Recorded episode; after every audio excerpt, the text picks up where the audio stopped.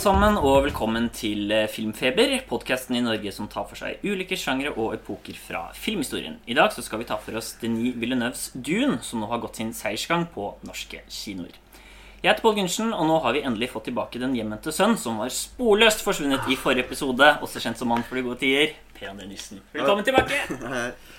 Men vi stopper ikke der. Ta vel imot Tommy Larsson. Men vi har også med oss en gjest i tillegg. Hjertelig velkommen til vår gode venn og masterstudent i litteratur og lærer Kristian Hjørt. Takk, det er en ære. Kom hit til Filmfeber. Fra to til fire. Det bør jo bli dobbelt så lang episode og dobbelt så bra. Og alt skal være dobbelt i dag, egentlig. Vi dupliserer oss. Det blir åtte neste, kanskje. Ja. Vi må bare fortsette og fortsette der. Men vi tenker vel at eh, vi ikke tar sett sin sist i dag. Siden vi er mange og ja, mye å prate om, egentlig. Så vi dropper det denne gangen. Ja, det er vel en del man kan gå gjennom her. Mye potensial. Så aller først så er det jo eh, Frank Herbert, da. Skrev denne boken på eh, 60-tallet. Er det noen av dere som har lest den eller kjente mye til den før dere så filmatiseringer? Nei, jeg har ikke lest den, eh, men jeg vet jo liksom at det er gudfaren til liksom voksen sci-fi, om man kan si det sånn. Og som har lagt grunnlaget for uh, mye, og man kan vel i hvert fall si at George Lucas har lest sin Herbert, for å si det milde-mildt. Ja, jeg ble vel kanskje invitert hit fordi jeg har lest litt av Dune-boka. Vi trengte en ekspert, da. Lest fire sider. Ekspert fra i sommer til nå.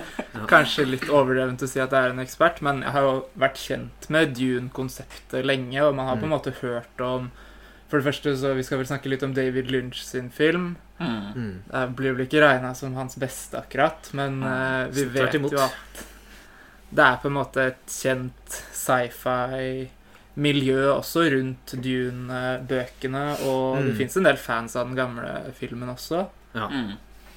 Og den er vel ganske sånn, hørt at den er litt sånn tunglest, at eh, de første 100 sidene er nesten bare forklaringer og relasjoner, og at det er ganske sånn Ja, jeg, jeg, er ikke helt, en bok for alle, kanskje?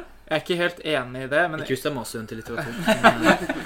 Nei, men for meg så Jeg begynte å lese boka etter at jeg hadde sett Villeneuve sin film. Mm. Mm. Og det tør jeg påstå var en fordel, faktisk. faktisk. For da visste jeg på en måte ganske kjapt hva som foregikk. Og det er en del Mm. sånne begrep og navn og betegnelser som sånn kan være litt forvirrende og sånn i starten. Og jeg kan være enig i at hvis man ikke kjenner til noe, så Ja.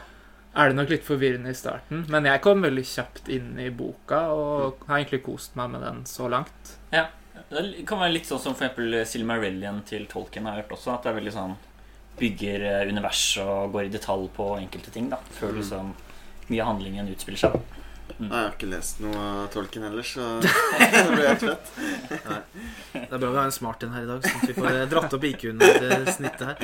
Nei, den- er vel litt sånn eh, Den er ikke young adult, for å si det sånn. Det er et ganske stort hopp opp fra Harry Potter, og det er jo det som er Mange tror liksom Ikke, ikke snakkes, det var bare et eksempel, men sånn For jeg har bladd litt i boka etter at jeg så filmen, og det var liksom, du kjenner jo mange av de orda som blir nevnt i filmen, som er liksom helt ukjente begreper. Og de kommer jo veldig tidlig i boka. Mm. Så jeg, etter å ha sett filmen, så har du litt mer knagger å henge de tinga på, da. Mm.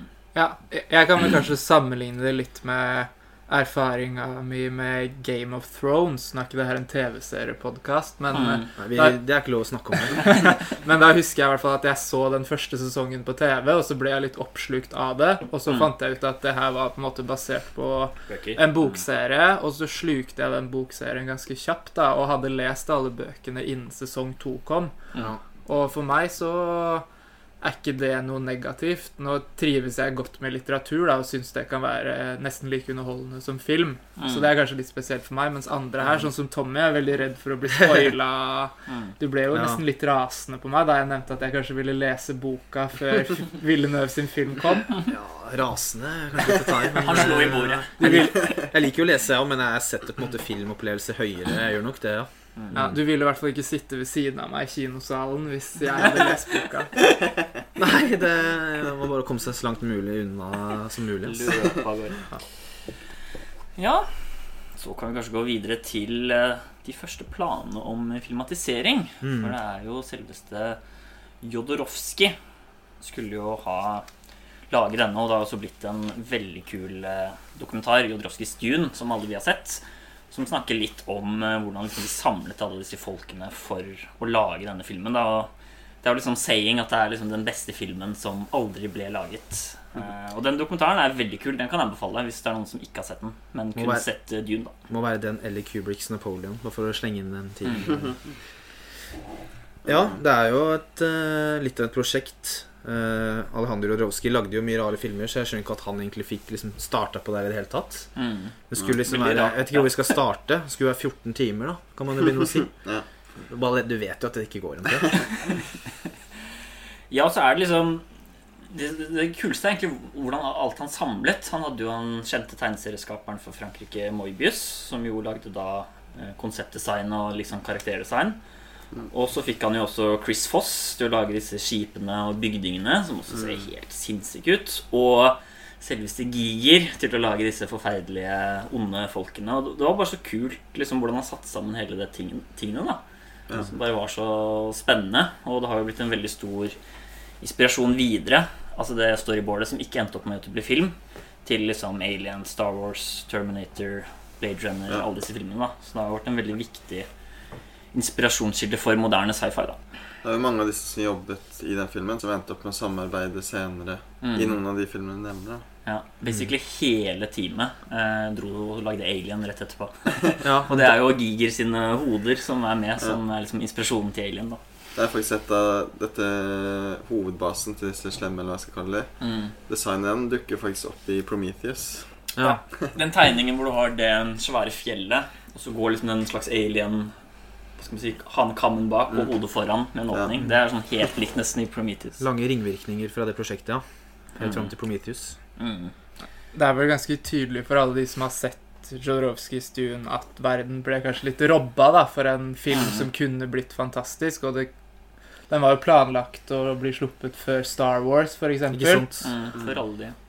Den var nok kanskje bare litt forut for sin tid, da, for det er veldig mange sier i at Det er vel fortsatt det, da. Liksom- Hvis det skal ha 14 timer. Ja, ja men hvis du også bort fra det, var sånn studioene var liksom Ja, jeg tror ikke de turte å liksom gå inn i dette her. Og Skal jeg si noe litt kontroversielt. Mm. Det er ikke sikkert den hadde blitt så fantastisk, egentlig. Den har sikkert blitt et forferdelig kri liksom Det hadde vært en utrolig morsom kuriositet, men det hadde sikkert vært masse dumt å feile den, kan jeg se for meg. da Ja, men det er jo litt sin. som man kan også si med The Holy Mountain òg, da. Så Ja. Det er jo mye useriøst der òg. Greit at han kasta sønnen sin, men han har det stjerneteamet ellers der, da, med Pink Dolph Floyd, da, Lundgren, Pink skulle lage Floyd musikk skulle lage sånn. musikken, Orson Ja. Wells, Mick Jagger, Salvador Dali Mm. Ja. Så jeg tror kanskje Det kan godt hende at helheten ikke hadde hatt uh, Gudfaren-lineær manusteknikk, men eh, jeg tror liksom bare hvor mye kult de hadde laget, da. Hadde vært dritkult. Ja, men det kom vel likevel noe godt ut av det, fordi Ja. uten Jodorowskys Dune så hadde vi vel kanskje ikke hatt Alien og Mm. Star Wars til og med. Det har i hvert fall vært annerledes, da. Ja. Det har vært andre referansepunkter. Noen tror om Lucas ikke bare leste boka, men også liksom Mm. fikk med seg hva som foregikk borti Jeg vet ikke hvor det holdt på med produksjonen der. Mm. Men det var vel noen som gikk til Star Wars òg, Ja. som du sa. Mm. Så det må jo ha vært det. Og som du sa med Alien, han Dan O'Bannon Han var jo en av de spesialeffekt, eh, hovedspesialeffektfyren på Dune. Ja. Og han er jo den som har liksom uh, Han og Giger er jo liksom de som hovedhjernene bak Alien. da De har henta inn Ridley Scott som en nesten Ja. sånn du Men kan, og Foss og Moibius også. Ja. Så det er ganske mange av de. Han Fikk Oscar vel I utgangspunktet skulle han vel bruke han fyren som lagde effekt for 2001. Ja. Men så likte han ikke attituden hans, eller hva det er. Han var for høy på seg selv, så I det need er- a spiritual man, og så likte han Det er jo Jodorowsky i seg selv, bare. Og alt han sier i den filmen, er jo I raped Frank Herbert. Liksom, det, det kommer mye rart ut av kjeften på han. Ja, det er en spesiell type Jodorowsky, men det er umulig å ikke like han også, på en måte, Ja, ja. fra den filmen, selv om han sier mye Sier mye rart. Man er veldig lidenskapelig, da. Ekstremt lidenskapelig. Og så er det sånn Filmen ble vel stoppa av Hollywood, blant Mm. annet fordi de ønska en film på to timer, mens eh, Jodorowsky ville ha 14 timer, som eh, Altså, Tom sa. det er jo heller 20 eller noe sånt. Han liksom Men det jeg også fant ut nå ganske nylig, var at Frank Herbert selv var en av de som gikk inn for å stoppe Jodorowskys Dune. mm. Ok Og at han eh, ble litt involvert i prosjektet og mislikte Eller han stolte ikke nok på Jodorowsky da, til å Mm. realisere For det er jo ganske noe annerledes enn alt det liksom, syretripp-filmene han har laget før. Så jeg skjønner at det var liksom De kunne Mm. føle at det var en risk, da. Kan man konkludere med at verden ikke var klar for Jodorowskis Dune? Ja, jeg tror Ja. det. Liten morsom fakta før vi bare hopper videre, er jo at Dali skulle spille keiseren, som vi sa. Mm. Og han mente at han måtte bli den eh, best betalte skuespilleren i Hollywood hvis han skulle gjøre det. Han skulle ha 100 000 dollar i timen. Så sa Jodorowsky nei, du kan få 100 000 dollar i minuttet. Eh, men han skulle bare spille inn 3-5 minutter. Så han, fikk en veldig liten rolle. da Så det er litt sånn Jodorowsky-craziness å bare toppe liksom, kommentaren når jeg skal få det i Mm. minuttet. Så det er jo, Han lover jo ting som ikke kan loves. Så- Nei, fortsette. Ja, Vi glemte også å nevne David Carradine, da, som skulle spille Leto Atreides, altså faren til Paul. Mm. Og det er en helt vanvittig morsom sekvens i Jodorowskys Dune, syns jeg, da, om eh, da Jodorowsky bestemte seg for å caste Carradine. Uh, og han forteller liksom om det første møtet stemmer. deres. Hvordan var det igjen? Det er lenge siden jeg har. Eh, det er Kort oppsummert så kommer Carradine inn på hotellrommet der Jodorowsky har bestemt seg for å ha møte, og så ser han et eh, Så ser han en bøtte med E-vitamintabletter på bordet, som Jodorowsky har kjøpt inn for å liksom ta én tablett hver dag. For å få mye krefter. For å og få sånn. mye krefter, og måten Jodorowsky forteller det her på, er jo halve sjarmen. Ja. Og så når David Carradine kommer inn på dette rommet, så ser han denne bøtta med E-vitaminer, og så heller han nedpå nesten hele bøtta, og lager liksom lydene og holder på å le seg i hjel. Og Jodorowsky bestemmer seg at ja, det her var en mann med mye sjel og mye spirit, så Han er og perfekt for rollen. Vi må jobbe sammen. Han omtaler jo alltid crewet sitt som warriors. Ja. At de skal til krig sammen. Og det er jo en ting de som jobbet under han tar frem veldig ofte, at han var så flink til å motivere. da Selv om det virka som et umulig prosjekt, og de flytta til Paris for å bo i liksom små hybler og Mm. hadde det ganske tøft, så var det han liksom så god motivator da at de Mm. ville jobbe med dette. da Mm. Han har en enda drøyere analogi i filmen også, eller i dokumentaren, hvor han sier at det å lage film er som et bryllup. Eh, og f for å få et barn, så står jo bruden der i hvitt, og det er fint, men eh, for å få et barn så må du rive opp dressen, og han bruker ordet 'rape', but with love. Han er gæren, vet du. Liksom, Hvor mange ganger skal jeg nevne rape i denne dokumentaren? Ja. Slutt at vi egentlig skulle treffe han, eller alltid bare se han Ja. live. Men så Vi var jo på Cinemateket på sånn her eh, Film fra sør 2013 eller 2014 eller noe sånt.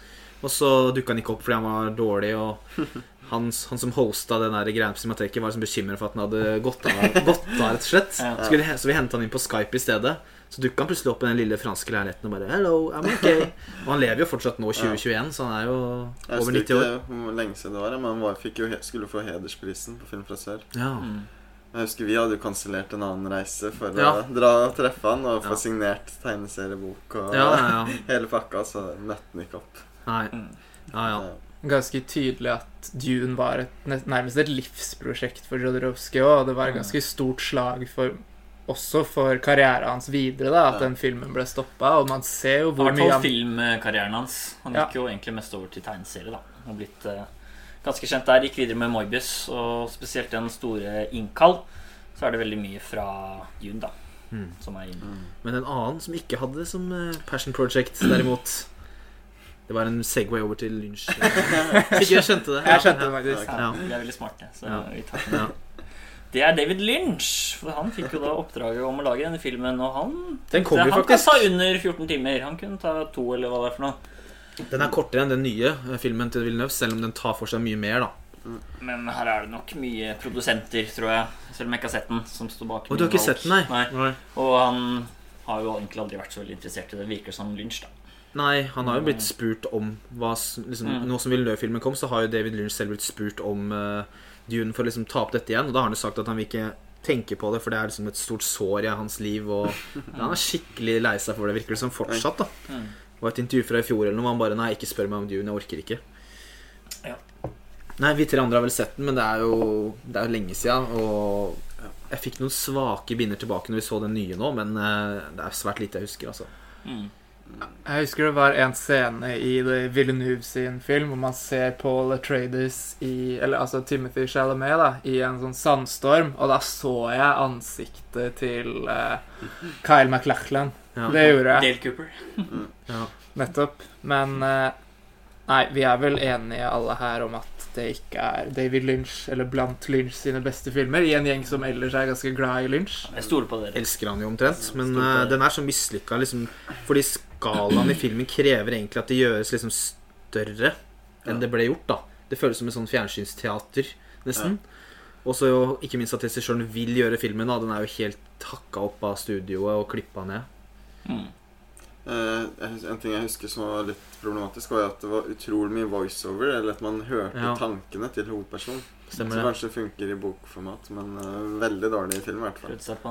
Det er jo liksom sånn der, en av de store syndene i filmskaping. Men eh, Ja. det funker jo det funker bare i Goodfellas omtrent, og ikke noe annet sted. Så, så det, jeg har jo en liten morsom historie på det òg, for jeg så jeg, husker, vet ikke, jeg har ikke kilden her i farta, men jeg husker et YouTube-intervju jeg så for mange år siden, hvor Lynch ble jo henta inn av Lucas etter at Empire Strikes Back var gitt ut, og ble spurt om han ville regissere Return of the Jedi. Mm. Og Lynch sa nei, eh, han ble liksom vist bilder, hva det går ut på. Vi skal lage film nummer tre. Vil du gjøre det? Han hadde lagd akkurat Elephant Man og hadde blitt et navn. Mm. Og så sa han at han eh, liksom Å, dette burde jeg jo garantert gjøre for pengene. Manageren hans sa at du må gjøre det, du må ta den filmen der. Så hadde han fått sett en tegning av en Ewok. Så hadde han sagt at han fikk instant hodepine. Og at jeg kan ikke lage film med det der. Så hadde har bare sagt det er din ting, George. Jeg orker ikke dette. Og året etter kom jo Dune, så det er jo litt sånn Det virker jo som han liksom fikk en sjanse til på en eller annen måte. Mm. Og Men han valgte og- feil, kanskje? Og, Ja. Tenk hvis han hadde tatt Return of the Jedi i stedet for Dune. på en måte Det hadde jo vært helt utrolig. Ja, Så- den hadde blitt. Ja, den hadde jo kanskje blitt dårligere, faktisk. Med tanke på hvordan Dune ble. Men, Eller morsommere. Det vet jeg ikke. Mm. Men eh, nei, ikke så mye mer å si om den, egentlig. Vi har jo ikke sett den på lenge. Det er litt artig produksjonsdesign, faktisk. Noen av disse rommene har Ja. mye sånn Ja, må gull det og litt noe fargerikt. litt greit, kanskje. Det er mer farger enn i det nye, det er det. Mm. Ja. Nei, da har vi kanskje fått litt sånn oppvarming til Dune. Litt Dune-historie. Så da kan vi kanskje gå litt over på Denis Villeneuve før vi tar dagens film. Om han er en regissør som dere liker eller er passer til eller ikke liker. Hva vet jeg.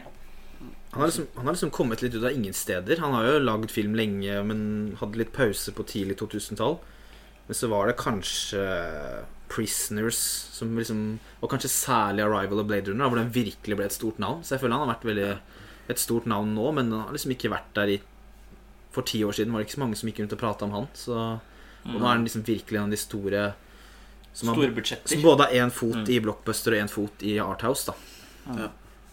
Det er litt av grunnen til at i hvert fall jeg følte litt hype rundt den eh, nye Dune-produksjonen også. At det nettopp Mm. var Villeneuve som skulle lage den. Fordi jeg liker i hvert fall særlig både Arrival og den nye Blade Runner-filmen veldig godt. Og det er jo over i science fiction-sjangeren, begge to, Mm. på en måte. Og Ja.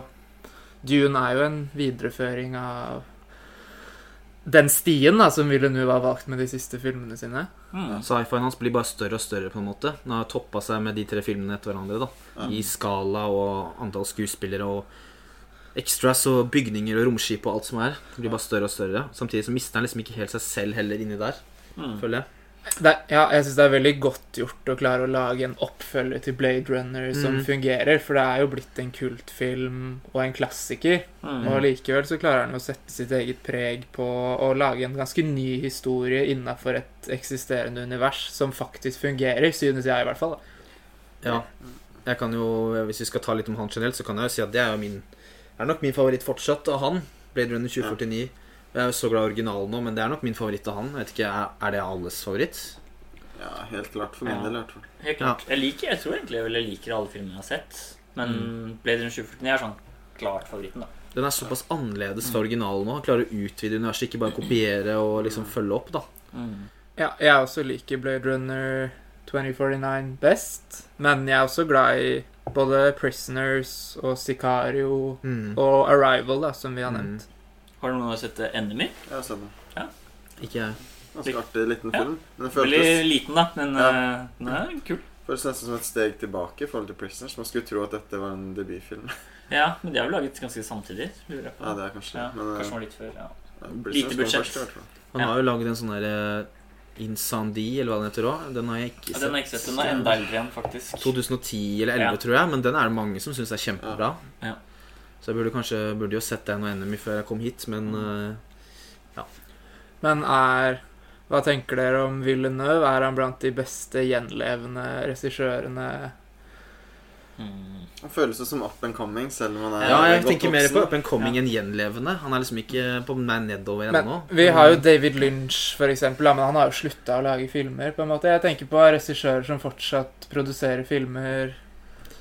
Ja, Ja, det er så mange. Det blir et stort spørsmål, men Mm. Ja, For eh, meg i hvert fall så er Villeneuve helt der oppe. ja. Han, I er, hvert fall innenfor det han driver med, da. Dyre sci-fi-filmer. han har jo for lengst forbigått liksom JJ Abrams og liksom eh, Peter Jackson og sånn.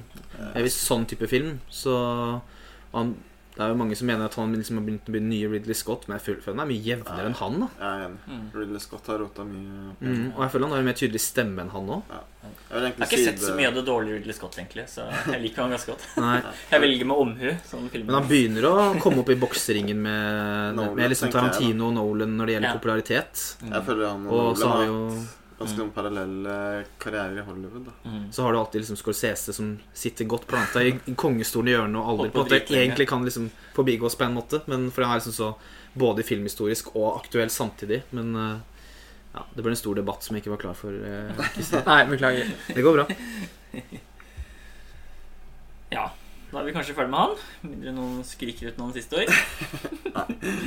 Vi hadde i hvert fall store forventninger alle sammen, tror jeg, når Ja. vi gikk inn. For han har lagd bra filmer, og egentlig ikke noe som har vært så noe særlig dårlig i det hele tatt. Tenker jeg i Mm. hvert fall. Vel, vel sagt. Da kan vi gå over på dagens film, som er Dune. Part 1. Mm? Part 1. Part 1. Ja, det står faktisk det på, på skjermen.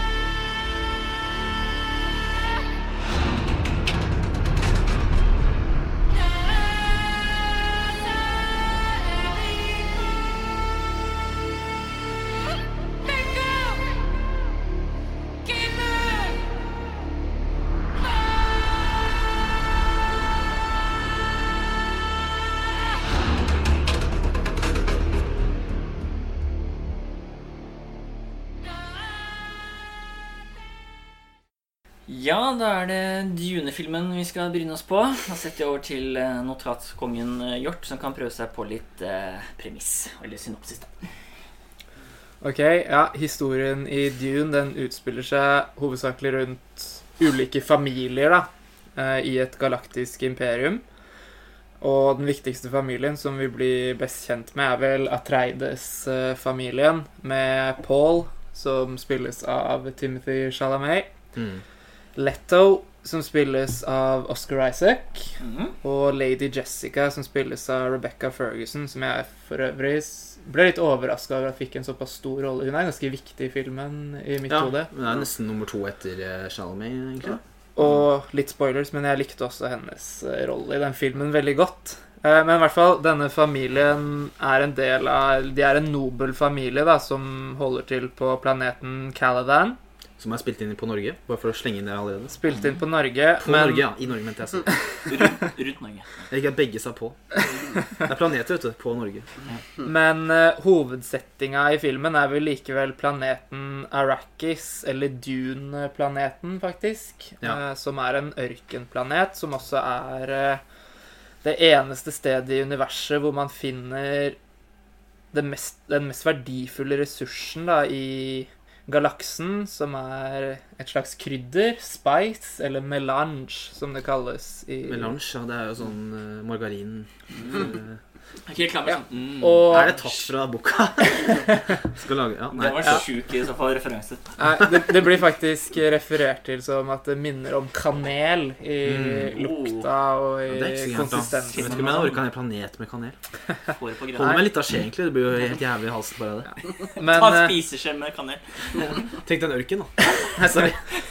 premisset for eh, filmen i hvert fall er at uh, Atreides-familien, litt ut av det blå egentlig, blir beordra av keiseren i galaksen til å ta over eh, makta, eller eh, Desert Power. Desert Power De skal altså bli hovedansvarlig for utvinninga av dette krydderet. Som, er det noen som har lyst til å si noe om hvorfor det er viktig, dette krydderet?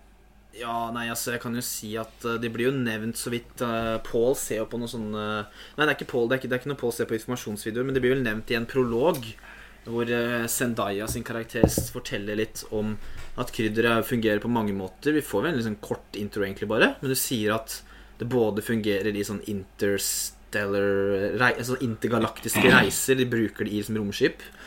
Samtidig som de også bruker det for å liksom fremme altså sånn kroppslige Det er jo sånne freemen på Arrakis, sånne liksom inn, innfødte, eller hva man skal kalle det. Og de bruker det for å få sånn helt lyse øyne og Men utenom det så er det ikke noe Nei, det er litt mystisk, Ja. dette krydderet. Men eh, det vi får vite om, er riktig som du sier, dette med intergalaktisk reise. Der er det et uh, firma eller et uh, ja, en bedrift da, som har monopol på intergalaktisk reise, og som da på en måte har makt rundt det. Og for å få til det, så trenger de altså denne ressursen, dette krydderet.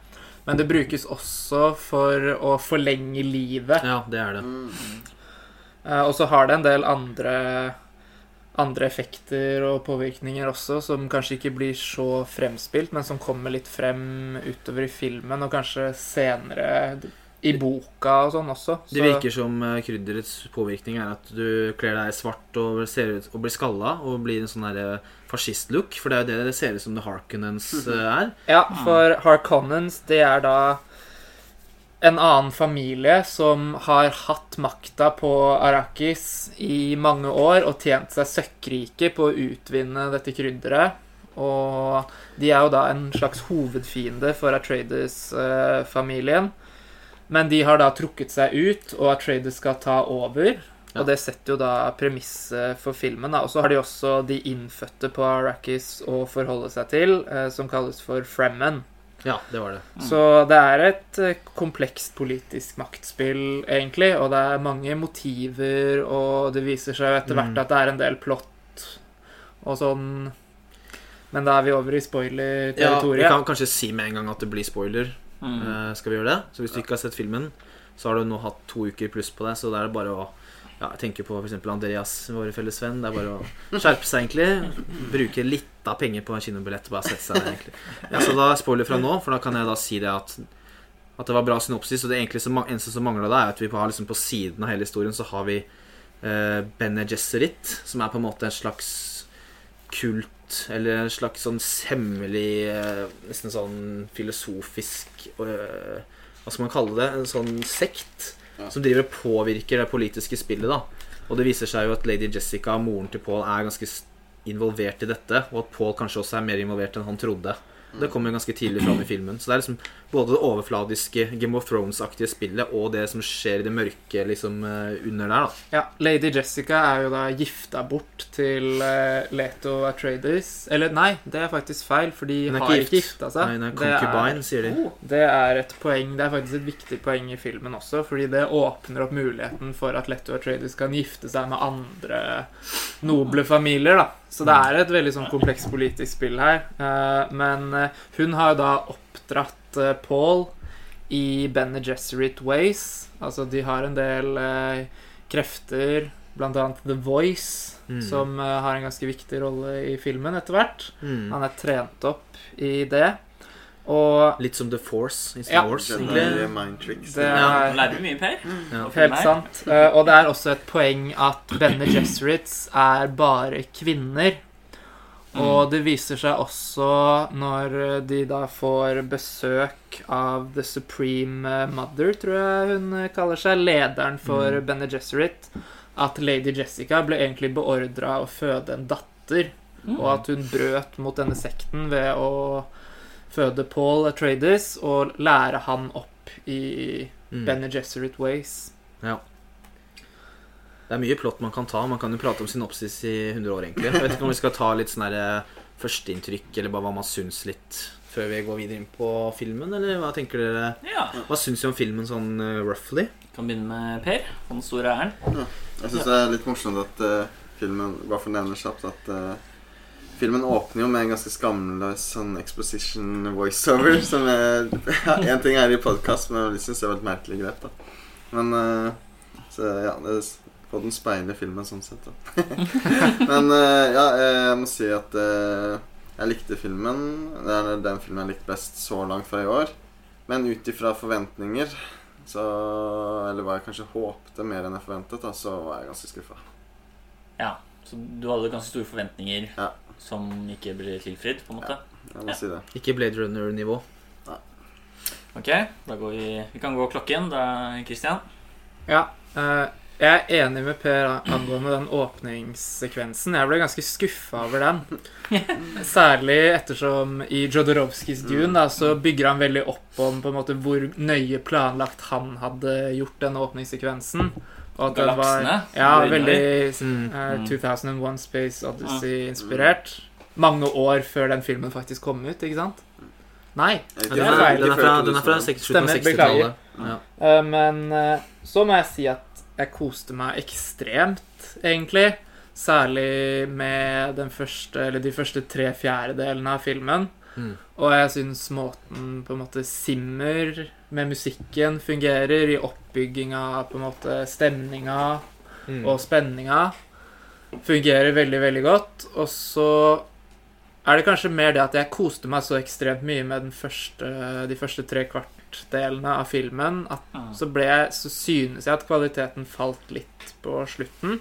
Men sånn alt i alt så Jeg ble ikke skuffa over filmen. Jeg synes den innfridde, og så la den veldig opp til en oppfølger. Det skal sikkert du si mer om, Ja, Tommy. fordi Jeg følte nesten jeg hadde hangover når jeg kom ut av filmen. Sånn der, det var så mye detaljer og inntrykk. Og jeg ble sånn der, og liksom, Hvor bra var den egentlig? Den fikk jeg nesten ikke tenkt på, for det var så mye som skjedde, og det er så mye å ta inn over seg. da Men så merka jeg at jeg tenkte på det hele tiden, og det er jo på en måte et poeng i seg selv. At jeg ikke klarte å slutte å tenke på den. da Nå har det gått to uker, så jeg tenker ikke på den hver dag lenger. Men jeg er veldig imponert over hva de har fått til her, da. Og det, det, det er liksom jeg syns det er veldig bra. Kunne nesten ikke vært bedre. Men det er som, liksom, som Ringens brorskap at det må komme mer, da. Så jeg tror kanskje i et perspektiv hvor du har én eller to filmer til, så tror jeg den vil stå seg veldig bra. Men det, hvis den stopper her, så er det på en måte et litt sånn mislykka prosjekt, da. Det står jo Dune Part 1 når filmen åpner, da, så det Ja, er jo noe. er Men, men jeg syns egentlig alt vi får se, er veldig bra. Men det mangler jo noe, og det er fordi det skal komme en film til, da. Men jeg skulle samtidig ønske at den var lengre.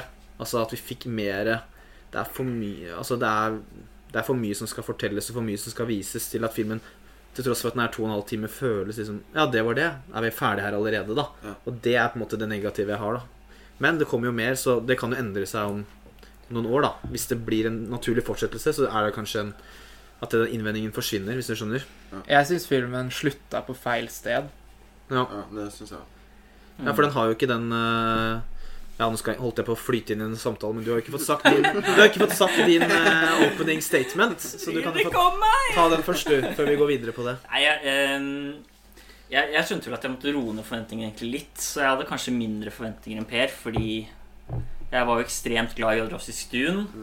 Og jeg var ekstremt glad i Blade Runner, så jeg skjønte på en måte at liksom, jeg kan ikke ha sånne forventninger. da Så ut ifra det så vil jeg nok si at jeg likte filmen. Sånn ut ifra liksom litt dempete sånn ut ifra hva det er, da sånn en moderne sci-fi-blockbuster. Så syns jeg det er en god film, men eh, jeg har noen innvendinger. Det har jeg. Så jeg er også litt sånn som PT syns det var ting den kunne gjort så den ble bedre, da. Som vi kan komme inn på etter hvert, da. Det er nesten ikke Det jeg prøvde å si i stad, som jeg innser at jeg kanskje ikke helt sa, var liksom at den er nesten for stor for seg selv. Den er liksom så dynka i så mye innhold at vi liksom ikke får nok av karakterene. Det var kanskje det jeg sa, da. Men at liksom det er så mye som skal skje i verden. Så den krever, det krever at det kommer mer, da. Det er det jeg prøvde å liksom få frem. For det er så mye planeter, familie, religion, politikk, liksom imperialisme Og det er liksom så sykt mye som skal skje. Den er så enorm skala. Når du zoomer ut, og det er, det er veldig mange scener hvor det er liksom romskip og sånne store kjøretøy.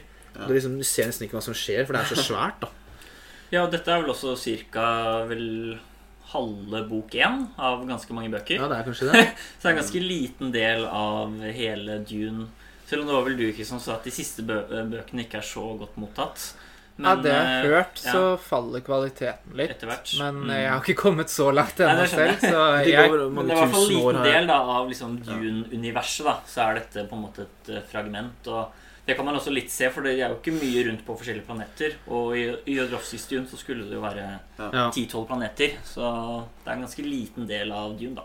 Mm, Men jeg er kanskje litt enig med noe det Tom eh, snakker om. At filmen bruker så vanvittig mye tid på å liksom etablere universet og liksom spillereglene. At det kanskje går litt utover karakter og liksom eh, rent narrativet eller plottet. Da. For på en måte så er det utrolig mye informasjon, men det skjer jo heller ikke så mye hvis man skal oppsummere hva som Mm. Eller de viktigste hendelsene i filmen da, kan liksom oppsummeres veldig raskt. Men jeg koste meg med den oppbyggingsbiten jeg, på planeten Ja. Caladan og, og sånn. Og så nå som jeg har lest ja, deler av boka, så har jeg funnet ut at den går faktisk enda mye raskere på plottet, da. Mm. ja. uh, En av de første scenene som blir beskrevet i boka, er når eh, Paul og lady Jessica får besøk av hun eh, Gamlemor. gamlemor, ja. Eh, og må gjennom denne prøven med hånda i boksen og de greiene her. Det er på en måte kapittel én i boka, og det skjer jo ikke før eh, Jeg tror til og med det er side én, for jeg så på bok, så i boka her om dagen. Liksom på aller første side så står det at han skal møte henne. Ja, Ja. og det skjer, ja, det skjer vel ikke Mm. før etter en halvtime eller noe sånt i Ja, filmen, eh, men, tror jeg. Nei, i hvert fall- en 20 27 minutter. Ja. Ja. Sitter med stoppa gløkk her. Ja, nei, den, den, den filmen må jo på en måte ha en opp, oppbygning òg, så jeg er veldig takknemlig for at den egentlig går litt sakte. Ja. Som kanskje er en innvending til det du sa, da. Og at de, for du ser jo på Lynch i film at det virkelig ikke fungerer å fortelle det på kortere tid. da Mm. For du må liksom Selv om det kanskje ikke skjer så mye, så må du ha tid til å liksom bli kjent med det. Du må liksom komme inn i det. Du kan ikke bare være en sånn derre Vi drar litt Arrakis, og vi gjør det vi skal det. Men jeg syns det skjer mye med informasjon, da. Så selv om kanskje som Per sier at det ikke skjer så mye med action, og sånn, så syns jeg fortsatt det skjer veldig mye med prat og forklaring og hvordan ting skjer. Og det merket jeg at jeg faktisk sleit litt med å henge med, faktisk. Sånn Ja. at det gikk Der følte jeg at det gikk litt fort i svingene, faktisk. Sånn, I hvert fall hvis du kommer ganske sånn blåøyd og uvitende inn som jeg gikk, da. da hadde jeg, jeg vet mer nå når jeg så dyn i ettertid. Du er ganske blå øyne Ja, òg, så det Men eh, jeg, ja, jeg vet ikke hva, hva om de som ikke kan noe om universet. Jeg tror det kan gå litt fort fordi hvordan du skal få med deg alt Ja. av navn og Og det er jo ting en og politikk og sånn. Det er jo et viktig poeng, fordi filmen er jo avhengig av penger for å få en oppfølger. Og Mm. når en gang vi kom ut av salen, så var det jo Jeg husker ikke hvem det var. Vi så den jo sammen, tre og fire her, men det var jo noen som sa liksom at dette Oi, det, dette var liksom så kul sci-fi. Men så var det vel du, Christian, som sa Men er det egentlig liksom appellerer egentlig dette til de folk flest? For dette er jo veldig Star Wars for voksne, om man kan si det sånn, da. Det er så lite humor. Alt er liksom så mørkt og brutalistisk, nesten. Sånn der arkitekt Det er liksom så lite liksom det er, Alt er så mørkt, lite humor. Det er ikke noe glede å finne her, på en måte. Så antitese til Marvel og Star Wars, da. Så jeg vet liksom ikke om det kommer til å Du finner ingen Ewoks her, for å si det sånn. Det, Så skjønner Kanskje du én comic relief-scene i hele filmen, omtrent. Ja, Det er så bekmørkt, seriøst Mm. univers, da. Mm. Du skjønner vel ganske tidlig at det går til helvete også, på en måte. Eller det bygges opp mot failure. Mm. Og i boka også så er det jo Du får vite ganske tidlig, da Eller hvert kapittel er faktisk introdusert med et innslag fra en historiebok som er skrevet fra mange tusen år senere, og som på en måte gjenforteller hva som har skjedd. Så du får egentlig vite allerede i kapittel én at uh, Leto Atreides, for eksempel, har han blir satt opp for å dø, på en måte. Han, Mm. Eller Atreides-familien eh, overtar makta på Arrakis, men det er en plan som på en måte Harkonnens har lagt med keiseren Ja. for å wipe de ut av, Ja. av, den poli av det politiske maktspillet her, da. Mye sånn korrupsjon og maktpolitikk og sånn i filmen, egentlig, fra starten. Men akkurat det savner jeg på en måte litt at man blir litt klarere. Jeg synes jo Det er litt naturlig å sammenligne med 'Ringenes herre', syns jeg. Men Ja. hvordan den første filmen er åpnet da, med dette flashbacket, eller hva jeg skal kalle det, hvor man ser liksom ringens opphav, og hvordan Mm. vi har kommet dit vi er nå i historien. da Syns det gjøres veldig elegant der på sånn fem-ti minutter, mens ja, her fikk vi denne voiceoveren, og så starter man bare midt inne i Mm. Jeg må si midt i filmen, på en måte, eller historien, da. Nå hopper vi veldig mye rundt, da, men når du er inne på den scenen, må jeg bare si at jeg likte veldig liksom det vi, det vi ser i den scenen, da de liksom Star Wars for voksne, altså de der folka som jobber med de draktene og maskene, og dere styrer og vasker de der svære, tunge Da følte jeg som Oi, dette er liksom Da glemte jeg litt den halvdumme voiceoveren, for jeg var så investert i Oi, dette er liksom noe for et skikkelig sånn fett univers vi skal inn i her, da.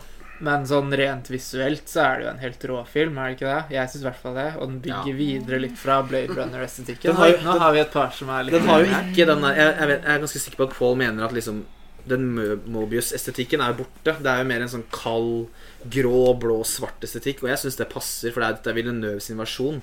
Men jeg kan jo se for meg at noen andre vil ha den der fargesprakende 70-talls-dunen. Og det får du virkelig ikke, da. Nei, det er jo det er nok min største. Det er at produksjonsdesignet er så minimalistisk og rigid Mm. og grått. En Ex Machina Og jeg skjønner at jeg kunne på en måte ikke forventet den sinnssyke fargen til Morbius. på en måte, Det skjønte jeg at liksom, det blir ikke.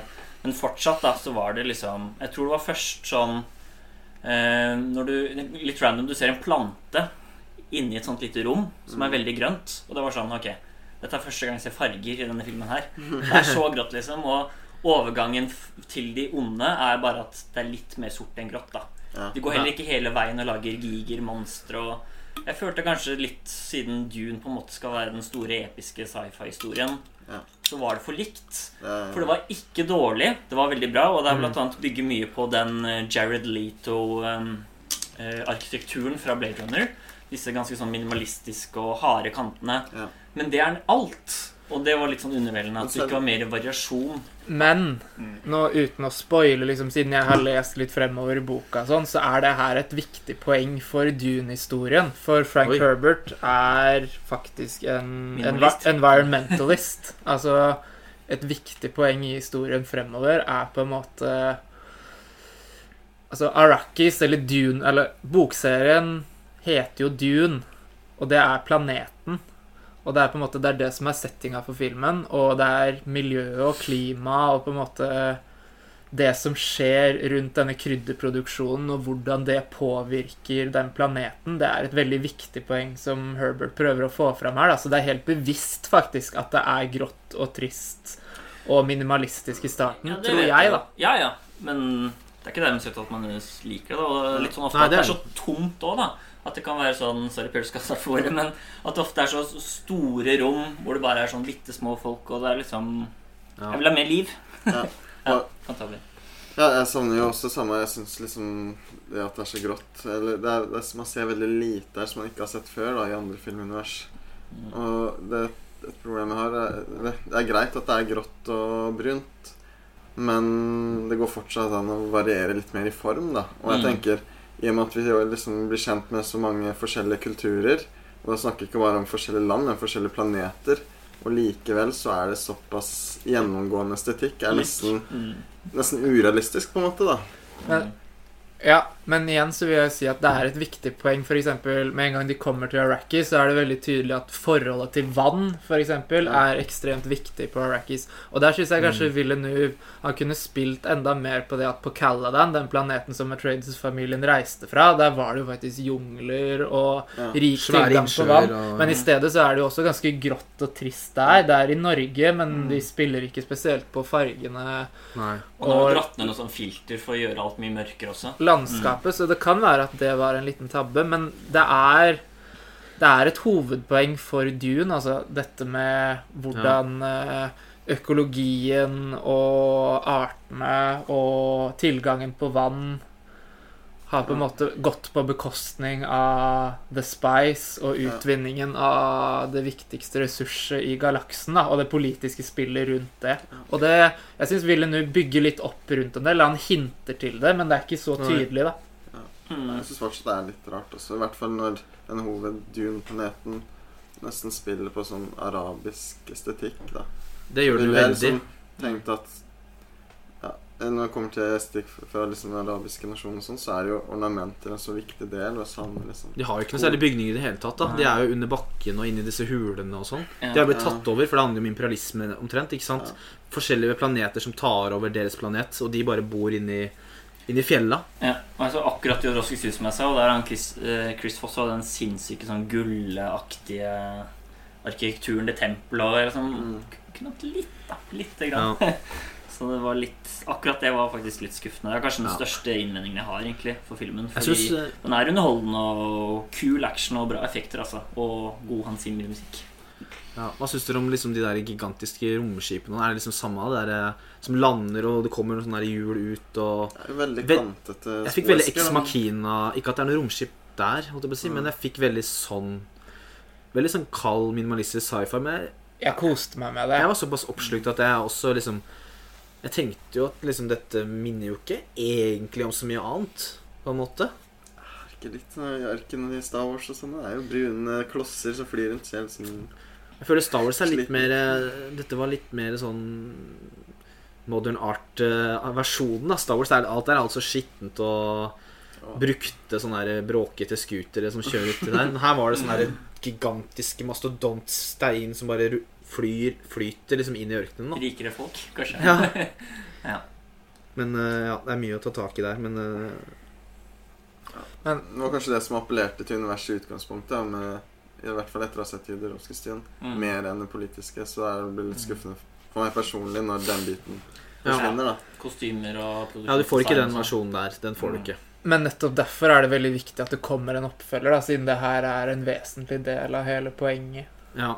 For jeg er veldig enig med Paul på en ting han sa i stad. At savner kanskje litt mer folk og liv å fylle disse gigantiske scenene med. Ikke at det er scener uten folk, men det er så rigid og armeer og liksom vi, var hygg, Det føles hyggelig. helt som et levende Nei, det har vært ålreit å se han komme til et sted hvor det var kanskje litt mer liksom naturalistisk oppførsel rundt. Selv om det jo Det er jo en tom ørken, og alle som bor der, er enten slaver, eh, bor ute i fjellet, eller er med en del av soldat... eh, Men ja, det føles kanskje ikke Og de Ja, for, The Bad Guys er jo utrolig Det er kanskje noe av det jeg syns er kanskje bitte litt teit, at de er utrolig liksom Nesten tegneserieaktige. At det er så De minner jo om The Empire Star Wars, men de er så utrolig svarte, så grå og stygge, og de er liksom Ja. så fæle, og liksom, de er liksom så fascistiske og liksom Kunne vært liksom Ja, det, Men det er litt da. svart-hvitt. Villeneuve spiller litt på det. Han bygger opp dette med at det er et økosystem med disse sandormene. At de er veldig mystiske. Sandormene må vi komme inn på. Ja, vi må det. dem. Men at det er et forhold mellom disse sandormene og The Spice, da. ja. Og det er noe close-ups av en ørkenrotte, og det er liksom ja, det er- overraska meg. det er, ja, men det er et poeng med det, og det er nettopp dette environmentalist-perspektivet. Og så nevnes det også i filmen at planeten Dune kunne vært et frodig paradis. Mm. Ja. Men syns du det environmentalism-greiene kommer bra fram, eller ikke? Jeg var ikke klar over det før jeg leste Siden du sier det er et poeng, og, men ja, hvis ikke det kommer fram Filmen må jo snakke for seg selv. ja. Men uh, hvis jeg ser filmen igjen nå og er klar over det, så vil jeg tro at jeg legger merke til enda mer, da. For jeg Ja. la faktisk merke til det under filmen. Eksempel at Paul han driver og leser seg opp på plantene på Arrakis og dyrelivet. Og så er det jo disse sandormene som stjeler mye av mye av fokuset her, ikke sant? Fordi de Ja. De er den største trusselen på planeten. Ja. Jeg, jeg tenkte på det i forbindelse med når Jessica og Paul må campe ute i et telt ute i ørkenen midt på natta. Så kommer det fram at svetten og kanskje urin òg, hvis jeg ikke husker feil. I hvert fall svette blir til vann, for det er sånn der opplegg inni teltet som driver og kondenserer og styrer med det. Og da tenkte jeg litt på at det, var, det er liksom et hakk videre kanskje fra Star Wars, eller at det blir tatt opp i det hele tatt. Og sikkert boka er sikkert stappfull av sånne detaljer, kan jeg se for meg. Ja, og, og det er også en del av teknologien til disse Fremmen. De er de som har laga disse draktene, ikke sant? Som Ja. absorberer opp alt vannet man mister, og resirkulerer det sånn at man kan drikke det. Det er ganske nasty, for å være helt ærlig. At svette og sånn Mm. Du er helt avhengig av det for å overleve på Arrakis, da. At du resirkulerer og bruker vannet som en ressurs på alle mulige måter. Og de prater jo også om eh, Nå går vi helt til en av de siste scenene, da, men når Ja, Paul- kan hoppe litt rundt. ja, men når eh, Paul og lady Jessica da til slutt møter disse Fremmens ute i ørkenen, så blir det jo gjort et poeng ut av at Paul er såpass ung at han kan få bli med og bli tatt opp i folkeslaget deres, men de bestemmer seg for å drepe lady Jessica fordi hun er en ressurs i form av vann, så de bruker faktisk vannet i Mm, menneskene. De er såpass avhengig av vann på alle måter da, at det er en eh, Mm. ressurs som det er manko på. Mm. Godt poeng. Mm. Skulle du, si, skulle du si noe, eller eh, så du hadde hånda Ja, nå oppe, jeg, ja, vi kan, Eh, jeg kan bare avslutte med at jeg tror også at alt er planlagt av Villeneuve. For han er jo såpass god, så jeg tror ikke det er liksom sånn at det er tilfeldig. Men jeg tror for meg når det er en, en hel film, så tror jeg heller jeg hadde likt at deler var sånn. Ja. Men at du fikk se mer enten menneskeliv eller mer farger eller et eller annet. Og så bare sanden, da. Den er også grå og hvit. Der kunne det vært mer spill. Ja, han Så i tror Blade Runner, eksempel. Ja, så jeg tror, jeg tror nok bare at annen jeg personlig visuelt hadde likt et mer livlig og fargerikt univers. Da. Det- det- Selv om det ikke hadde vært like vilt som Morbius. da Det er derfor det må komme mer, da. Eller som jeg sier, filmen, jeg filmen skulle vært lenger, slash mer. komme en oppfølger, så vi kan utvide universet enda mer. Få litt mer farger og liv og litt sånne ting. da mm. Ja. Jeg håper vi får se litt av den lokalbefolkningen. Litt sivile, faktisk. Liksom, Ja, de er, Følelsen at ikke det enten er konge eller soldat. nei, Det er liksom mangler noe litt der, da. Mm. Vi, kan, eh, vi kan prate litt om sandormgreiene hvis ikke noen andre har noe annet. eh. Ja, vi kan godt gå videre nå, føler jeg vi fikk eh, sagt det vi ville om akkurat Ja. det her, i hvert fall. Hva syns dere om de-. Hva syns dere om de sandormene? Jeg skal bare hente meg en enhet. Mens jeg Ja, jeg tror jeg skal gjøre det også, så dere kan starte. Jeg hørte at de brukte et, et år på designet de. Det kan jeg ikke skjønne, for vi ser jo bare munnen. Ja, det er litt interessant at du sier det, fordi jeg så her om dagen, jeg lurer på om det var i går, så så jeg trailerne til David Lynch sin Dune. uh, side ved side da, til Villeneuve sin. Ja, det fins en YouTube-video som har de ved siden av ja. hverandre. Ganske proft klippa. Ja, og akkurat de sandormene ser nesten overraskende like ut, da, Ja. både i Villeneuve sin og Lynch sin uh, Dune. Og kyssende Men kanskje han har forklart det ganske nøye i boken, da så at de Ja. følte at de ville være ganske lik til det han tenkte. For det er blant annet gjort som for eksempel Gollum, da som har blitt tegna alle disse folka, var visst ganske lik, sånn som Tolkien beskrev den. Ja. Forskjellen er kanskje at de er sinnssykt mye større enn i Ja. Lynch.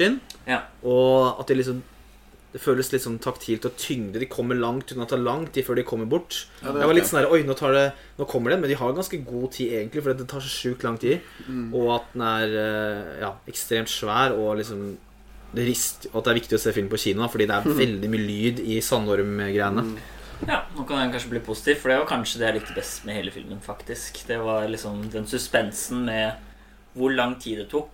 Ja, at det Og tok liksom litt all tid. stress og suspens og Så det likte jeg veldig, veldig godt. Det var ganske kult når de skulle plukke opp den der maskinen som jobber Ja. med å ta opp Spice, og så knekker en av de der Ja. som skal løfte opp den. For det er egentlig bare en rutine. Vi skal, mm. Nå Mm. kommer det en orm, vi må, vi må plukke opp den med det derre Ja, moski. Moskito-helikopteret. Skal bare plukke Mm. opp den, og så skjer det en krise, og så Ja. Den scenen er mye mer dramatisk i filmen enn den er i boka, faktisk. Bare for å dra en sånn sammenligning. Nå skal ikke jeg bli han fyren som liksom hele tida sammenligner boka og filmen, men eh, Episoden er ferdig snart. Det minner om det sa, sa humlesnurr lavt. Skri, så skriker han i, i filmen.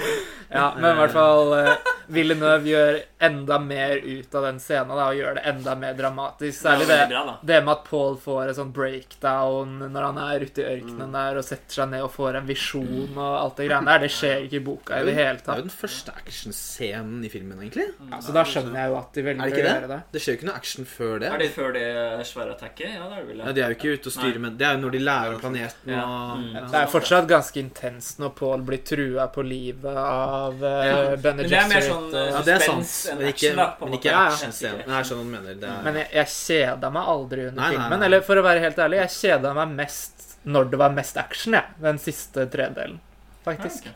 Ja. Ja, nei, jeg likte den veldig godt. Den var, Jeg kjeda meg ikke et sekund, packet, egentlig, Fordi det var liksom bra bygget opp, og du hadde fine oversiktsbilder hvor liksom du så at liksom noe bevegde seg i eh, sanden langt unna. da Så jeg syns han klarte Mm. å bygge opp Jeg synes han bygde opp den scenen veldig bra. Ja, ja. det var spennende. Selv om jeg regner med at det går fint til slutt. Men uh, litt var Noen kunne dødd, noen. noen. Ja. Du visste jo ikke hvordan du skulle gå med den der eh, som jobber og Ja. Stakkars Jeg arbeider. har aldri, jeg har aldri sett den arbeidet, så det er kanskje litt vanskelig Ikke for å være negativ igjen, men å sympatisere med en boks. Du ser jo han derre karen som driver planter trær, da. Han er sånn herre Ja, en fyr som vanner en blomst. Ja, så vi må jo få, vi får jo litt Ja. uh, Litt sånn random scene, egentlig. Men uh, Ja. den, den var der, den òg. Men hva syns dere om på en måte action-premissene? da? Disse sverdkampene og det? Hmm, Jeg er ikke så fornøyd med designet, må jeg si. Når de tar på den der knappen, ja. og det blir sånn derre sånn skjold. Ja, sånn Mm. force Ja. field rundt seg. Men Og det liksom ser, 3D-brillefarger. det ser sånn jævlig mye bedre ut enn i Lynch sin versjon, i hvert fall. For det er nesten en vits. Ja. Jeg syns kanskje det kommer nesten litt i veien for slåss koreografien. For du ser en sånn ekstra 3D-grafikk oppå litt karakterene. Så er det sånn men Jeg vet ikke om jeg er negativ til det, men det Gi var meg litt sånn blod og gørr. liksom. Ja. Ja. Jeg er kanskje litt sånn jevn på den. Ja, det er ikke kanskje. så viktig. Jeg, jeg, ble, ikke jeg, ble, jeg ble ikke så plaga av det. Jeg ble ikke så plaga av det, egentlig. liksom. Liksom. Ja. Jeg syns jo han er blant de flinkeste til liksom Egentlig sånn digital CGI, alt det der, egentlig. Ja. Av de som holder på nå. Så Ja.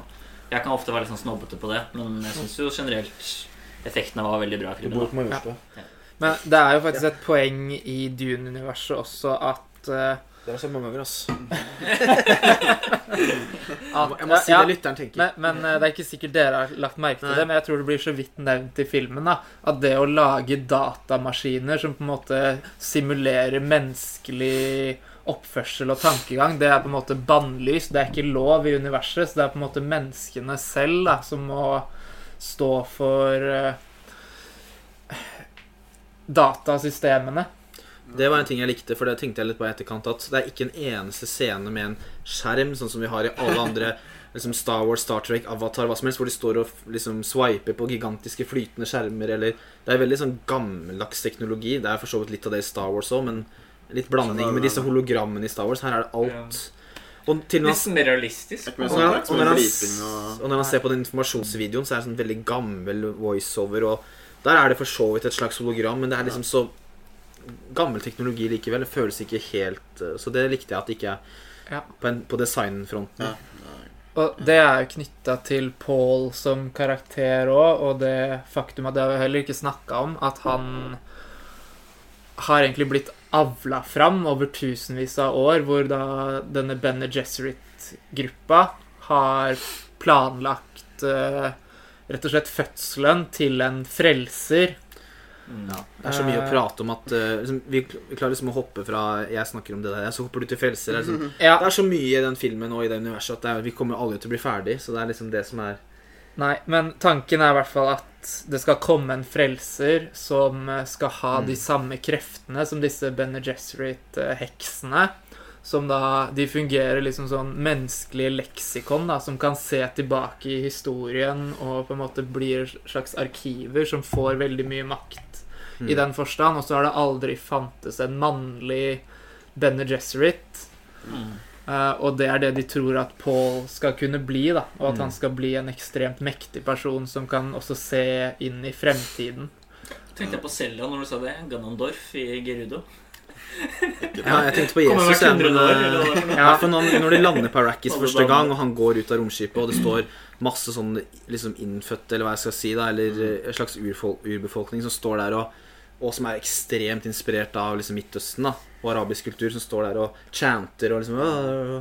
Det er veldig liksom åpenbart liksom Jesus eller Mohammed eller Ja. Ja.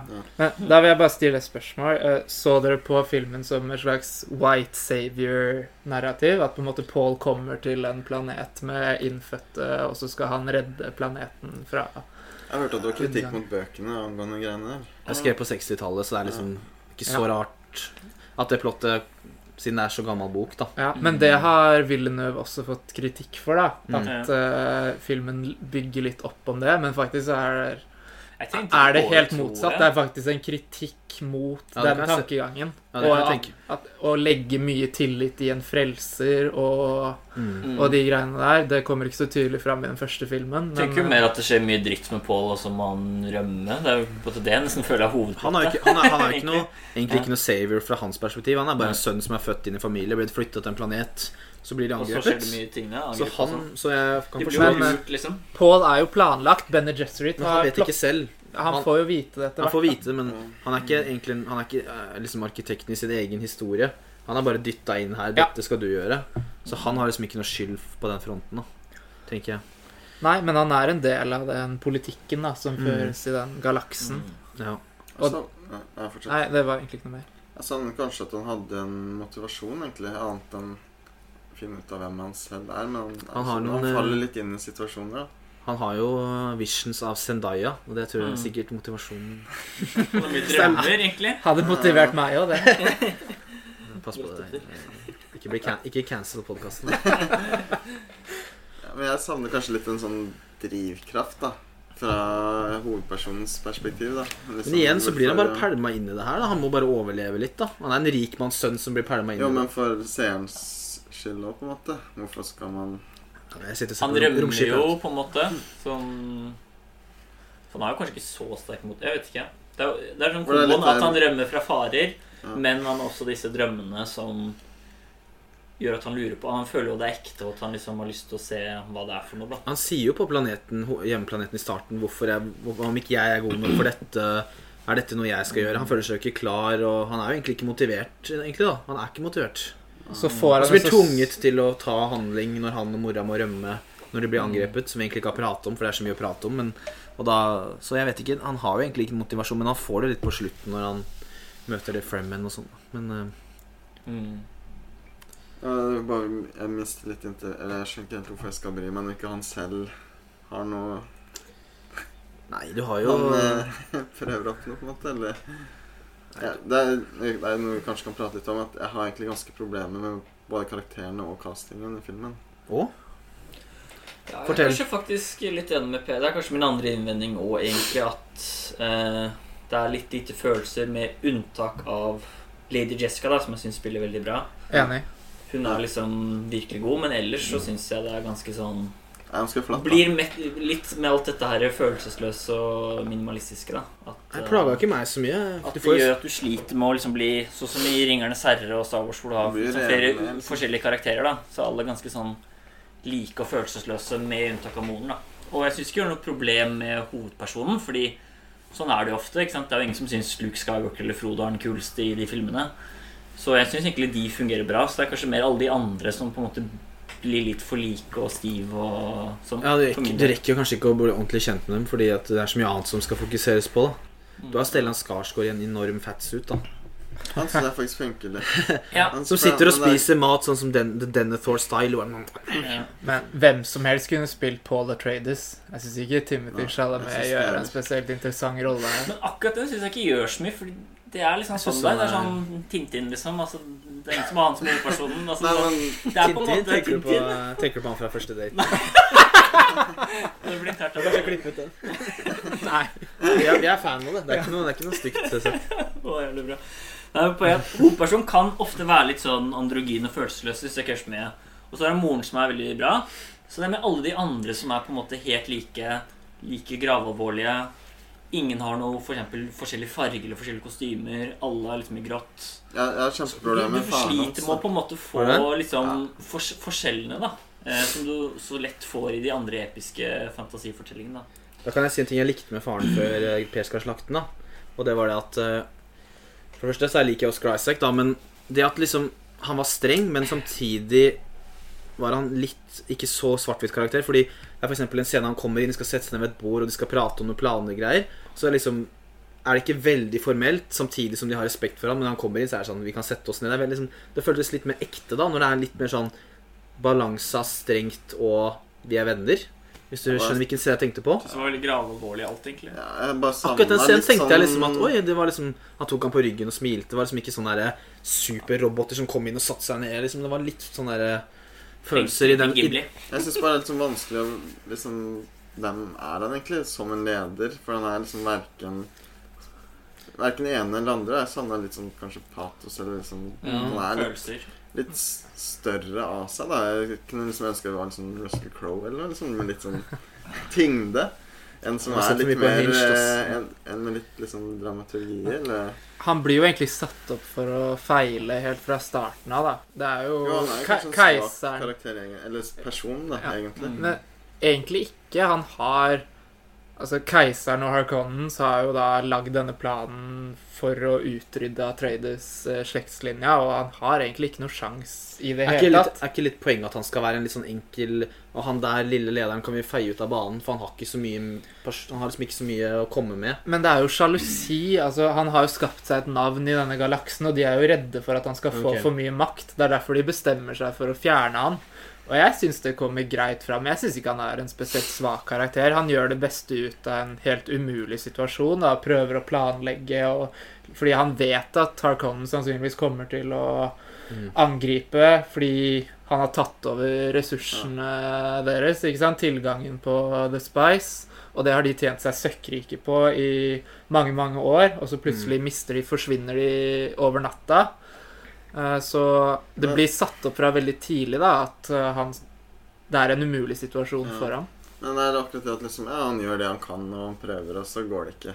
Jeg hadde liksom ønsket liksom, Hvis man hadde bygd han litt opp først, Ja, og det så kan jeg ser skjønne han litt hva du mener. etterpå, så blir det en viss dramaturgi, da. Det, Det var ikke så sånn mye sånn- følelse ved at han ble drept. Han var, var skjedde, eh, altså. Ja, greit. Bortsett fra når han satt veldig sånn her statisk sånn fast i stolen, så fikk jeg litt sånn derre ja, Nå holdt jeg på å spoile en helt annen film og serie for å sammenligne med noe annet, men det at en, det at en hovedrolle liksom dør såpass tidlig og liksom blir tatt jeg, jeg visste ikke at det skulle skje. Jeg husker ikke noe av Lynch-filmen.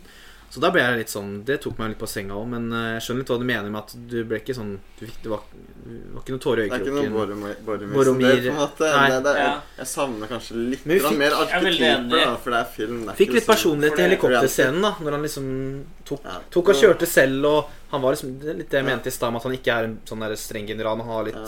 Når han kjørte helikopter Ja, og det er sant, det har han ja. Ja. Men jeg føler det var liksom lite generelt. Da. Kanskje, det er ikke noe problem med Oscar Isaac egentlig, men mer sånn kanskje helheten. da Det var en ganske fin scene hvor så på eksempel for noen år Javier Bardem kom og møtte Josh Brolin, Oscar Isaac og uh, Paul. da Og alle er sånn helt grå, militære, gravalvorlige. Du får liksom ikke noe sånn forskjellig dynamikk der. Og jeg syns også mot dødsfallene, som du sier, også var veldig lite patos. da At liksom, det at faren døde, ble nesten glemt. Og når eh, Duncan dør, altså han Jason Mamoa, så er det liksom den obligatoriske skrike og slå i veggen. Og så er det så glemt. At du på en måte Det er ikke som når eh, Gandalf faller ned med ballroggen, og du zoomer inn på Frode og sånn skriker. av Ringenes herre er liksom. vanskelig å nå opp til Ringenes herre, da. Ja. Men det var litt Så der jeg falt fra i filmen også. Så det er liksom Jeg er kanskje ikke så altså. imot det som Per, men jeg følte at det ble litt for mye likt og flatt også med karakterene som med stilen. da At jeg skulle hatt litt flere roller, sånn som moren, som er kjempegod, som viser mye smerte og følelser. Og Ja, litt litt, mer av det. For Ja, å få liksom et helhetlig rollegalleri. Og Opp- og nedturer, da. For liksom, også en hovedperson møter jo utfordringer, men det går liksom greit hele veien. Det er ikke sånn at han møter veggen og så må reise seg igjen. Det er jo klisjéfullt, men samtidig så er det er Det er ikke klisjé, for dette, klisjeene er fra dette. Kommer etterpå. på Nei, men den har jo ikke disse tingene. da At han Nei. liksom må det. eh, bygge seg opp igjen, eller eh, Han møter liksom ikke en ordentlig utfordring. Han tar jo ting på strak arm selv om han blir slengt inn i det som er. Han er et chosen one, da. Han er jo Det er litt som Mulan, da. God fra dag én.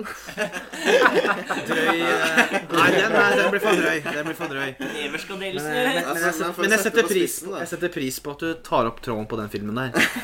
Det har ikke nevnes på et par episoder. selv om Space Jam har liksom tatt over plassen for hatlista mi. da Og Space Jam 2, fy faen. Verste jeg har sett.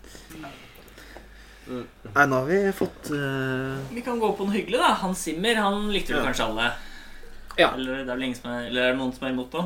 Nei, jeg koste meg gløgg i hjel, men, Ja. eh, men samtidig det. Det er ikke det beste så, han har gjort. så håper jeg jo Håper man jo på et par låter som man liksom har litt gjenverdi, da. For jeg vet ikke om jeg kommer til å høre så mye på det utenom filmen. Det vet jeg ikke. Det var ikke noen hits, kanskje, men det var ikke sånn dårlig. da Det trenger jo nødvendigvis ikke alltid være melodiøst heller, da. Det spørs jo Nei. om man vil høre på det uten filmen eller i filmen. Jeg synes jo Det blir en helt annen sammenheng, men Stanley Kubrick, når han ikke bruker klassikk, syns jeg ofte han kan ha musikk som passer veldig bra til filmen. Mm. Selv om du kanskje ikke nødvendigvis hører på det utenom, da. ja. Eh, viktig å poengtere at liksom, det er en enorm filmopplevelse med den musikken til Simmer, Mm. og liksom lydbilder generelt. da Ja. Det er derfor jeg liksom ikke klarer å være så kritisk. Det er bra det har gått med to uker nå, da, sånn at jeg kan komme litt. Fordi når du sitter der i salen, og liksom, vi så den jo på den største IMAX-salen, og det er liksom den musikken til Simmer og det lydbildet og Ja. Så det imponerer er jo kanskje litt mer eh, negativ enn jeg, men det er bare fordi de to tingene jeg var mot, har på en måte kommet opp nå. Men jeg har også sånn veldig bra kinoopplevelse, og det var spesielt én scene hvor det var et svært romskip foran en planet. Og så bare kom det opp sånne små romskipfly ut av den Mm. til eh, Hans Simmers Zimmers musikk. Og så var det nesten som en sånn jont. At det bare ble sånn sugd opp magnetisk. Det var vel når det skulle til Arrakis Ja. i starten, tror jeg. Det var en helt utrolig scene. Så det er jo sånn utrolig mye bra filmhåndverk sammen med Hans Simmers musikk. da Så det er en veldig sånn viseral og kul opplevelse, og du får ganske mye god atmosfære i filmen. da Som jeg setter veldig pris på. Litt det jeg sikta til da jeg sa at jeg likte den visuelt også. Ja, ja. Ja, nå ble jeg episodens negative Nancy, men én ting som jeg, en ting som jeg savner litt så er du ikke med, eller så er det negativ. Men jeg savner jo alltid temalåter. Ja, det kan vi være enig i, da. Og sånn som enten det er Harry Potter eller Ringenes herre eller Star Wars, så er det veldig sånn Du kan høre om du er hos skurkene eller snille eller Eller at du forbinder Det vet jeg ikke om jeg vil ha, men Tenk deg hvis den der Imperial March kom ja, men Jeg liker det når vi skal inn til Vladimir Harkonnen du, du, Jeg liker jo at man du- forbinder du- musikk med steder og karakterer. Og det er Jeg liker det òg, men jeg syns ikke det var negativt at det ikke var her. egentlig ikke kjempebra, men jeg, jeg liker det. Som sagt, Star Wars det voksne, men noen vil sitte ved barnebordet. Noen, noen, noen går og ser Dune, noen kan kose seg med prequels. Ja. Ja. Ja. Ja. Nei, du må Det var vanskelig å la være. Men du får jo mye av det du liker hvis man liker Simmer da. Det er jo de som ikke Ja. liker det men det er mye sånne høye lyder og sånn som går utover, og det er sånn ganske sånn klassisk Simmer-soundtrack, egentlig. Så jeg likte det. Det er jo i hvert fall en positiv ting at nå har vi snakka ganske lenge, og det er fortsatt mye vi ikke har nevnt. Sikkert en rollefigur vi ikke har nevnt engang. Og det sier i hvert fall litt om hvor mye filmen har å by på, da. Mm. Det kan jeg i hvert fall Ja. konkludere med det. Jeg kjeder meg ikke et sekund. Det, Nei. Det eneste eventuelt var at jeg kanskje sleit litt å følge med noen ganger, men det var ikke sånn at det var negativt. Det var veldig spennende fra start til slutt. Og det er på en måte ikke noen dødpunkter, for den går veldig sånn fra A til B, på en måte, at det er liksom en reise, da. Og, Ja. Du så blir det litt jeg funker veldig oppslukt, bra. blir litt oppslukt og investert Mm, i hele universet. filmen. Det ble i hvert fall jeg. Ja, jeg også. Jeg er litt nervøs med tanke på at jeg har hørt at Zendaya nesten skal bli hovedpersonen i neste. Hun var veldig lite med. Ja, Det det var, var overraskende. overraskende. Det var kanskje den største overraskelsen hvor lite hun var med, med Ja. unntak av uh, drømmesekvenser. da Jeg Det, liker den. Jeg det kan jo Nei, unnskyld. jeg, jeg, Hun er jo utrolig god i Euforia Ja. som deprimert og narkoman, men jeg får litt følelsen av at hun spiller samme hengemunn og litt hengende Har øyne blitt og nark sliten. narkispekter.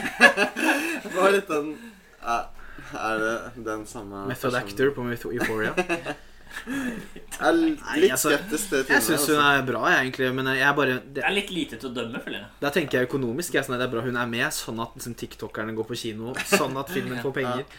Så Ja, hun blir jo Man skulle... skulle var dritmye Det er som Malik med George Clooney i Red Line. Bare kutter den helt ut. Bare, hva? Jeg trodde det var hovedpersonen. Men Det er jo Rebecca Ferguson som spiller den viktigste kvinnelige rollen Ja. i filmen, og hun gjør en knalljobb, syns jeg, da. Så det, det er ikke noe stort tap for meg at Zendaya ikke har en så stor rolle. Nei, det var ikke noe negativt. Det var bare overraskende. Ja, var- jeg trodde hun var sånn topp, at hun var liksom med fra starten og var sjefen sjøl, men eh, Det lover i hvert fall bra med disse visjonene da på slutten, da, hvor du ser han og Zendaya står i romskip, og det er tusenvis og sånn krig, og det er til og med en scene hvor eh, Paul selv har rustning og fighter og Så jeg håper bare vi får det der i en skikkelig skala. Og... Ja, det er kult. Han ble jo trent opp i starten av eh, han Brolin, så det kan potensielt bli ganske mye kult, da. Ja, det må mer. komme en til. Altså. Det Jeg står June Dune det. Part 1, Ja. og det siste Zendaya sier i filmen, er 'This is only the beginning', eller noe sånt noe.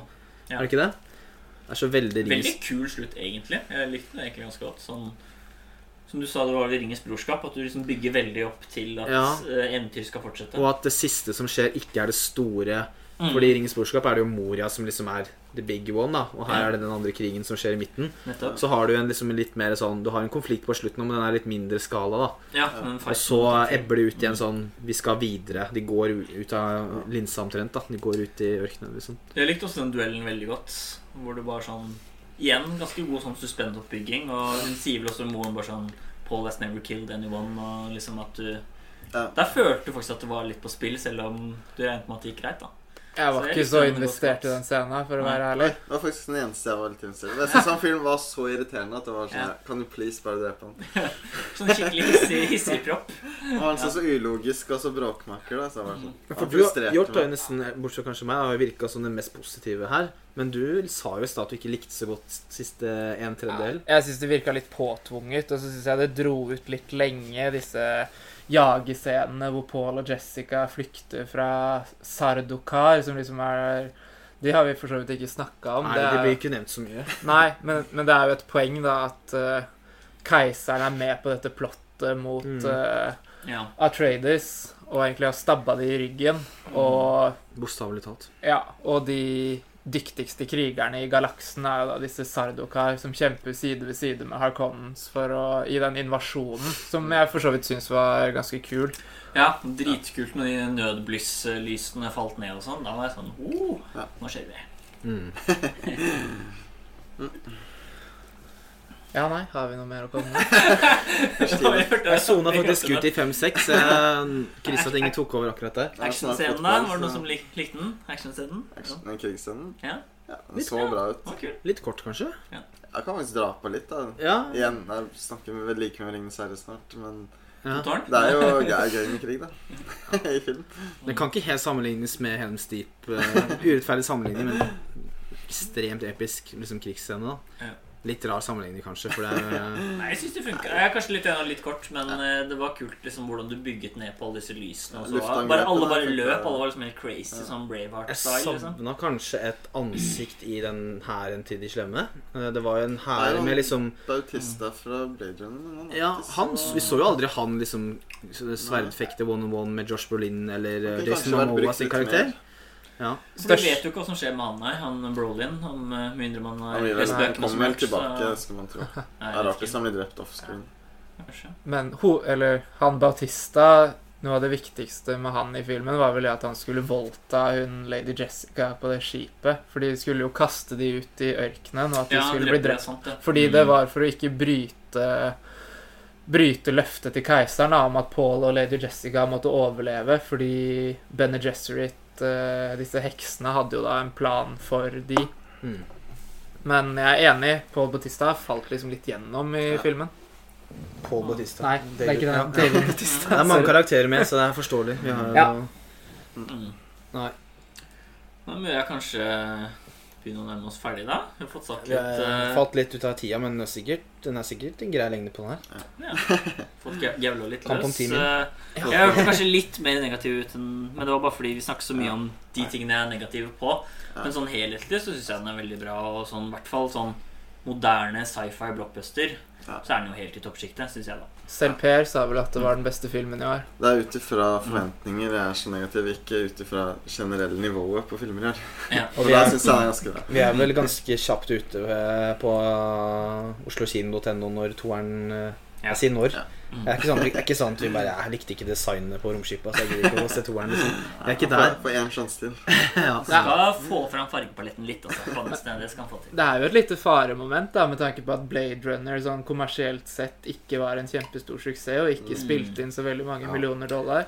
Heldigvis har den tjent en del allerede, og den får uh, release i Kina, som er en ganske big deal. Og den har liksom Charlamet og Zendaya, som er to veldig store stjerner, da. Uh, så, det, Og Jason Momoa. Og mange- det blir og mange andre. i. Ja. Mm. så det trekker jo forhåpentligvis eh, Mm. Ikke at Ryan Gosling ikke er eh, stort navn, men det var jo liksom en oppfølger til en 30 år gammel film. Og, ja. Mm. Det blir nok en toer. ja, det må det. Vi satser på det. Hvis ikke så er det jo en failure, fordi den slutta ja, Hvis det ikke blir en toer. Ja, det er litt, da er det litt sånn Da ringer vi Lynch, og så Da, lager han to. det, det, det ville vært veldig fælt liksom, mot June-fans og liksom, mot Frank Herbert-fans at ja, vi lag, klarte endelig å lage en film til, men ikke denne gangen heller kan vi fortsette. Hvis det virkelig skjer igjen, altså først Jodorowsky, Ja. dårlig Lynch-film, og så skal det virkelig ikke gå denne gangen heller, liksom. Nå må det jo Dune er sånn bannlyst og ja. Få Lynch ut av weather report duty og få han Ja. på toeren. ja. Nei, han kan holde seg unna, ass. Nei, det Ja. Han har kanskje noen morsomme detaljer han kunne tilført, men jeg vet ikke Han får sitte inn i hula Helt si. ny film nå, sånn surrealistisk. Ja. Nei, da tror jeg vi runder av. Tusen takk for at du ville være med, Kristian. Det var veldig hyggelig. Jo, det var hyggelig å få være med. Ja, og da kan vi også røpe at eh, vår neste episode blir da i forbindelse med at Joachim Trier har laget en ny film, 'Verdens verste menneske', så har vi lyst til å ta for oss Oslo-trilogien. Så da kan dere se de filmene. Eh, hvis dere ikke har sett det før neste episode. Så igjen, tusen takk for at du lytter på. Så ses vi igjen i neste episode. Ha det bra. Ha det bra.